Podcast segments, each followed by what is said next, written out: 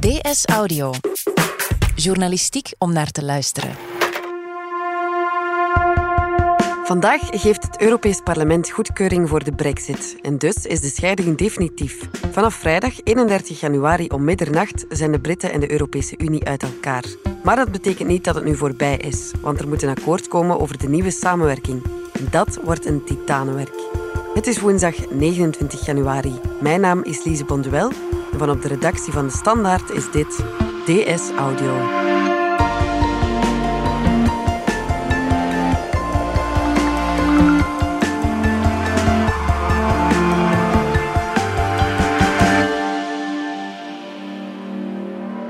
De brexit is een feit, maar na maanden van vergaderen en stemmen en onderhandelen begint het echte werk nu pas. Want hoe bereik je een akkoord over toekomstige samenwerking waar iedereen zich in kan vinden?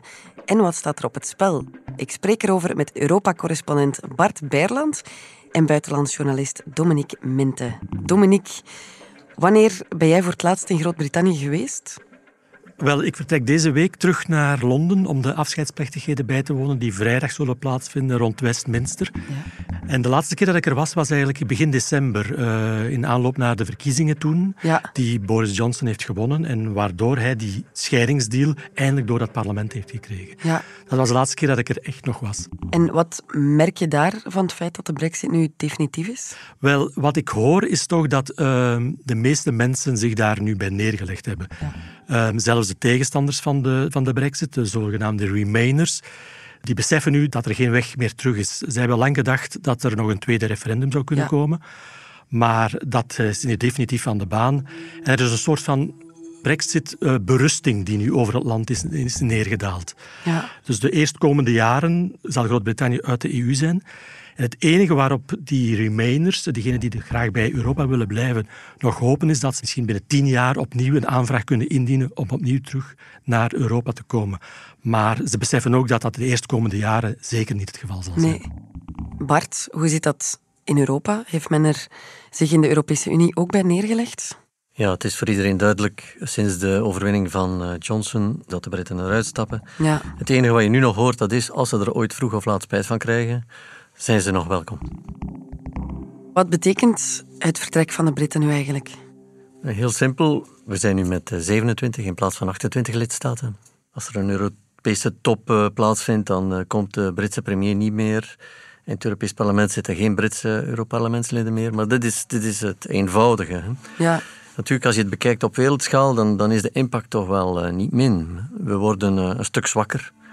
Als je bedenkt, de Britse economie is toch wel belangrijk voor Europa. We verliezen een netto-betaler, dus een land dat serieus bijdraagt tot de begroting. Groot-Brittannië heeft een leger dat je op elk moment en op elke plek kunt inzetten en ze zijn lid van de VN-veiligheidsraad. Dus je verliest wel wat aan slagkracht op het wereldtoneel. Ja. ja. En zoals je zei, Dominique, ja, het echte werk begint nu pas. Hè. Hoe, hoe ziet dat echte werk er nu uit? Wel, um, Eigenlijk vanaf maart, begin maart, gaan er opnieuw onderhandelingen beginnen tussen Brussel en Londen. Ja. En die gaan dan in de, in de eerste plaats over het toekomstige handelsverdrag dat moet gesloten worden. Dus welk soort relatie gaan de Britten nog onderhouden met de Europese Unie? En dat wordt heel moeilijk. Want eigenlijk moet dat verdrag afgerond zijn tegen het einde van het jaar. Dus op 31 december van dit jaar zou er eigenlijk een kant-en-klaar handelsakkoord op tafel moeten liggen. En daarover zegt eigenlijk bijna iedereen dat dat onmogelijk is. Bijvoorbeeld als je het handelsakkoord dat Europa heeft gesloten met Canada, het zogenaamde CETA-akkoord, dat heeft bijna zeven jaar geduurd om dat te onderhandelen. En dus nu gaan we proberen op negen maanden tijd een, een volledig kant-en-klaar handelsakkoord af te sluiten met Groot-Brittannië. Dat, dat gaat eigenlijk niet lukken, denk ik. En waarom moet dat op negen maanden tijd? Omdat dat zo is vastgelegd in de scheidingsdeal. In de scheidingsdeal staat dat er eigenlijk een, nu een transitieperiode, een overgangsperiode van start gaat. En die loopt af op 31 december. Ja. Het enige wat er nog kan gebeuren is dat de Britten, dus Boris Johnson, voor 1 juli gaat vragen dat die transitieperiode, die overgangsperiode, extra verlengd wordt. Maar daarvan heeft Johnson al gezegd dat hij dat niet wil doen. Hij wil er eigenlijk zo snel mogelijk uit. Hij wil zo snel mogelijk dat, dat handelsakkoord rond hebben. Waarom is dat voor de Britten zo belangrijk dat die onderhandelingen zo snel rond zijn? Wel, omdat ze nu in een heel slechte positie zitten. Dus zij zijn uit de Europese Unie. Ze mogen dus niet meer meebeslissen. Ze zitten niet meer aan tafel om mee beslissingen te nemen. Maar ze moeten wel nog bijdragen. Ze moeten dus wel nog betalen. Dus ze moeten betalen zonder dat ze iets te zeggen hebben. En van die situatie wil hij zo snel mogelijk af. Ja. Wat gebeurt er als ze die onderhandelingen niet op tijd rondkrijgen? Wel, dat is de, de vraag van 100 miljoen op dit moment. Maar in principe komt er dan toch een soort van harde brexit en valt Groot-Brittannië opnieuw uit de EU zonder dat er een akkoord is gesloten. Wat is de kans dat er op het einde van het jaar een enigszins acceptabele deal is? Die kans is eerder klein. Um, het hangt natuurlijk af van de bereidheid van de twee kanten. Mm Maar zoals de kaarten nu liggen, uh, volstaat het uh, niet, die enkele maanden. Wat gebeurt er dan als er niets op tafel ligt op het einde? Er zijn noodplannen gemaakt, die liggen klaar, die worden geüpdate uh, om mm te maken, dus dat er vliegtuigen die vertrekken in Londen nog altijd kunnen landen in Europa. Maar dat zal minder zijn dan wat, wat normaal is. Mhm. Hetzelfde met vrachtwagens. Maken dat die vrachtwagens altijd kunnen vertrekken in Dover, hier kunnen aankomen. Um, maar dat zijn noodoplossingen, dus dat is minder dan de ideale situatie. En dan, ja, als er niks geregeld is uh, voor de vissers, wat gebeurt er dan? Mogen de Belgische vissers dan nog gaan vissen in die Britse territoriale wateren? Als er niks geregeld is met Erasmus, kunnen uh, Belgische studenten dan nog uh, gaan studeren in, in Londen en, en ja. omgekeerd? Dus dat is allemaal zeer onzeker.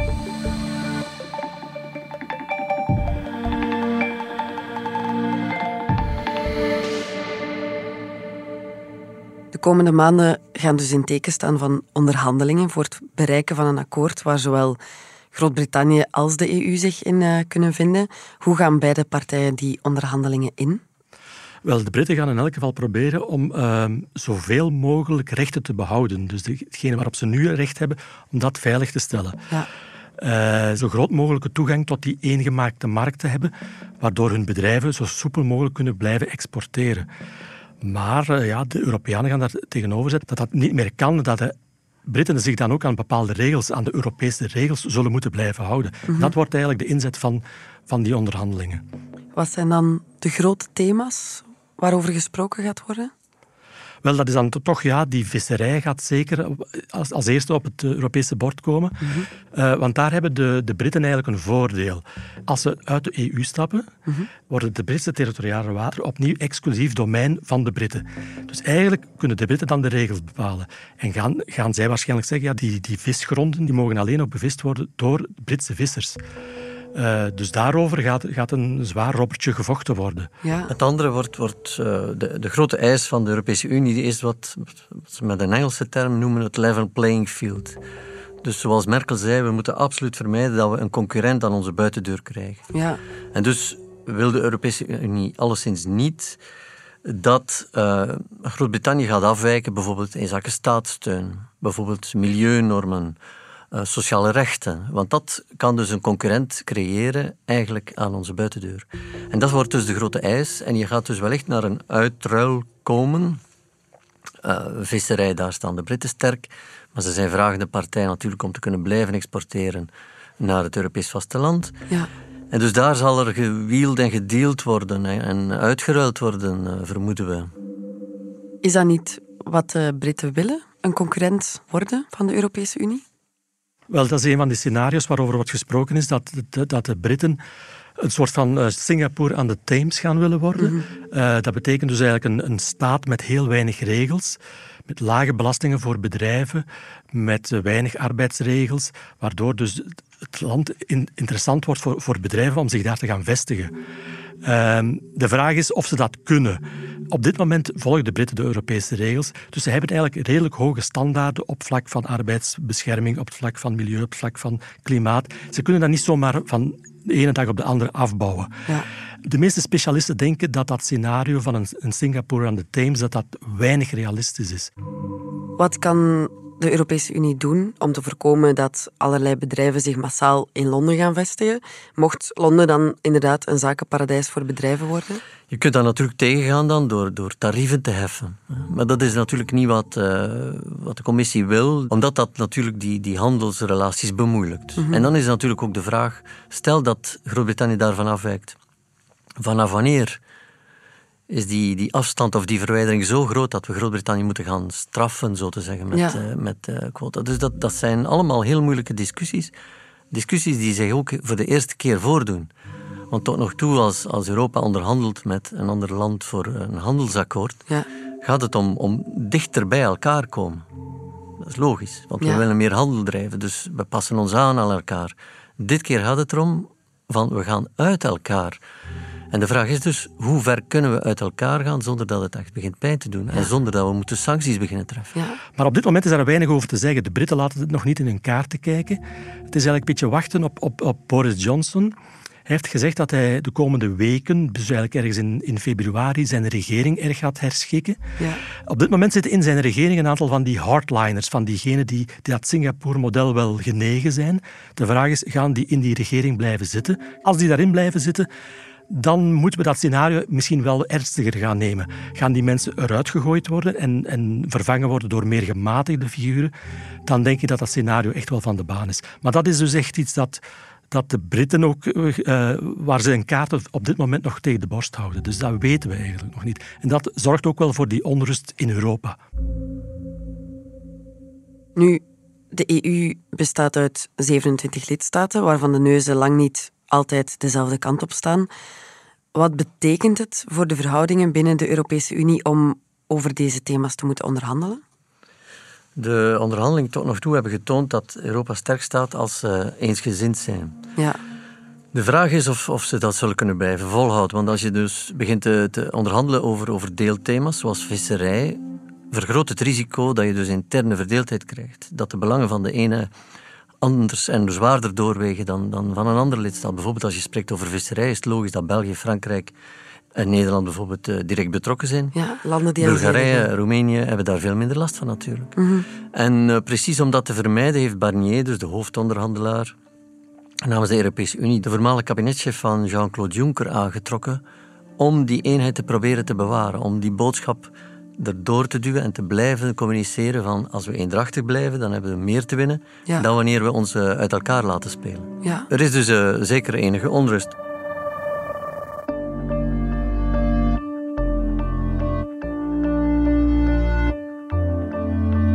We zijn zo terug.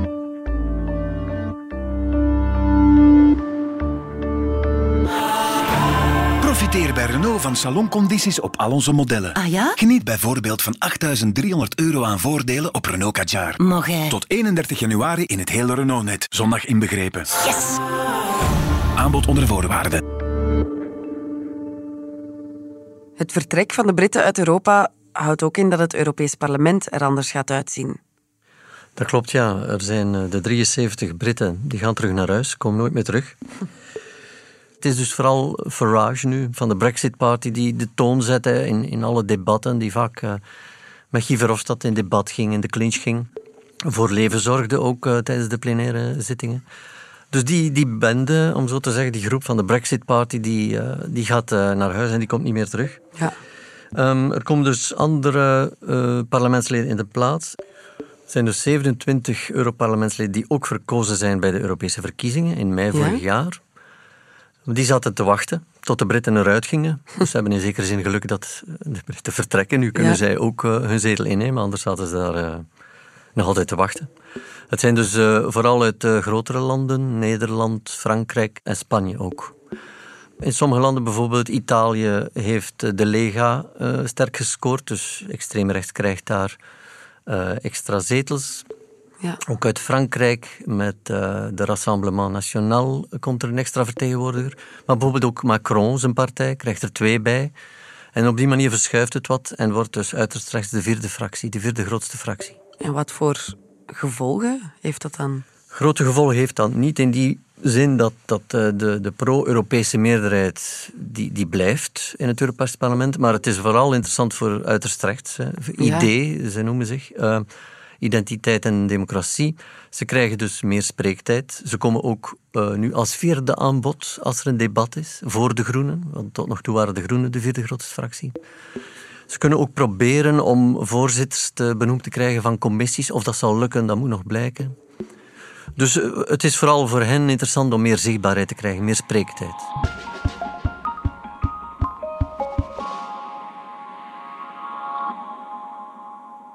Voor het publiek is het grote spektakel van de Brexit er nu wel een beetje af. De tijd van order en uh, referenda is voorbij. Hoe gaan de komende negen maanden eruit zien?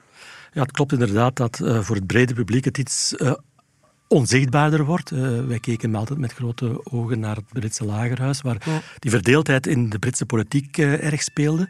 Dat, daar hadden we een beetje leedvermaak over. Dat mm -hmm. is een mhm. beetje voorbij, uh, omdat dus Johnson een grote meerderheid heeft nu in dat lagerhuis. Dus die verdeeldheid is daar niet meer. Dus het gevaar is dat die verdeeldheid nu dus aan, aan de Europese kant komt te zitten.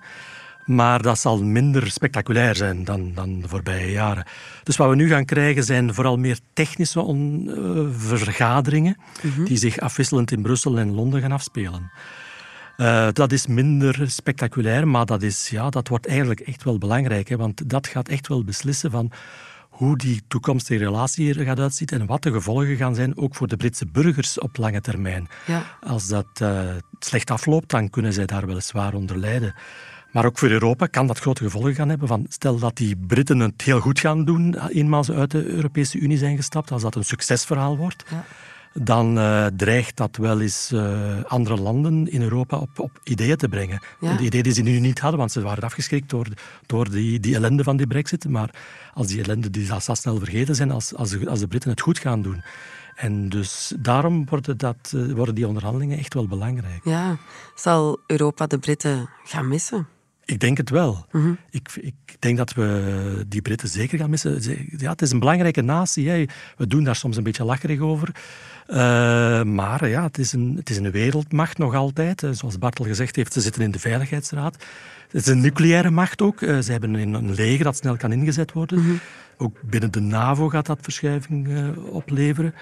De nieuwe Europese Commissie van Van der Leyen heeft gezegd dat ze een geopolitieke commissie wil zijn.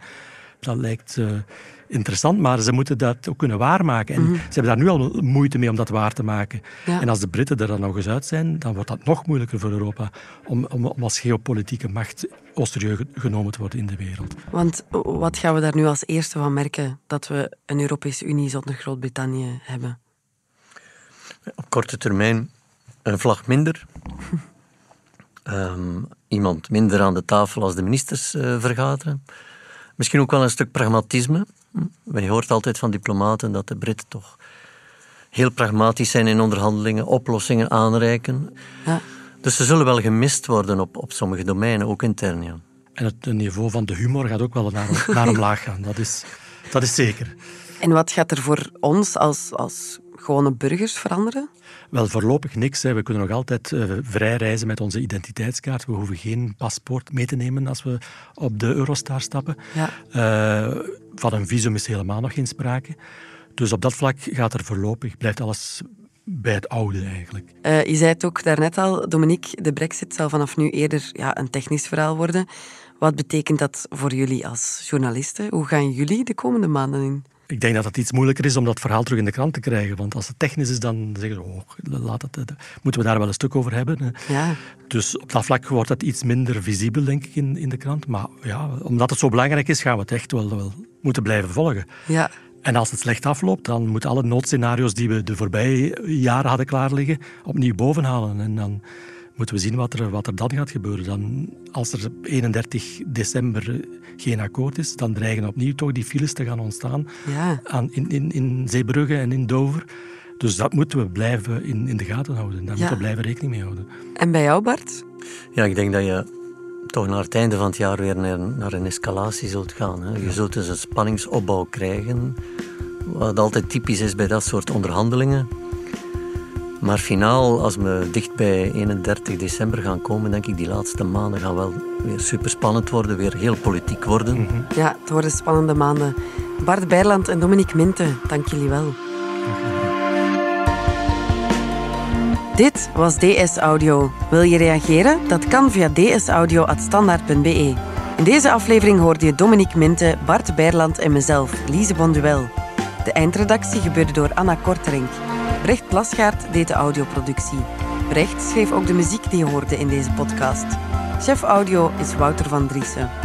Vond je deze podcast interessant? Weet dan dat je er elke werkdag in kunt beluisteren. Dat kan via de DS Nieuws app of via standaard.be-audio. Je kunt je ook abonneren via Apple Podcast, Spotify of de podcast-app van je keuze. En als je daar dan toch bent, schrijf gerust een review. Zo toon je ook anderen de weg. En we vertellen met de standaard natuurlijk niet enkel in onze podcasts over wat er in de wereld gebeurt. We doen dat ook in de krant en online. Benieuwd naar een abonnement? Ga dan zeker eens kijken op standaard.be-voordelig. Daar ontdek je ons aanbod en onze promoties. Morgen zijn we er opnieuw.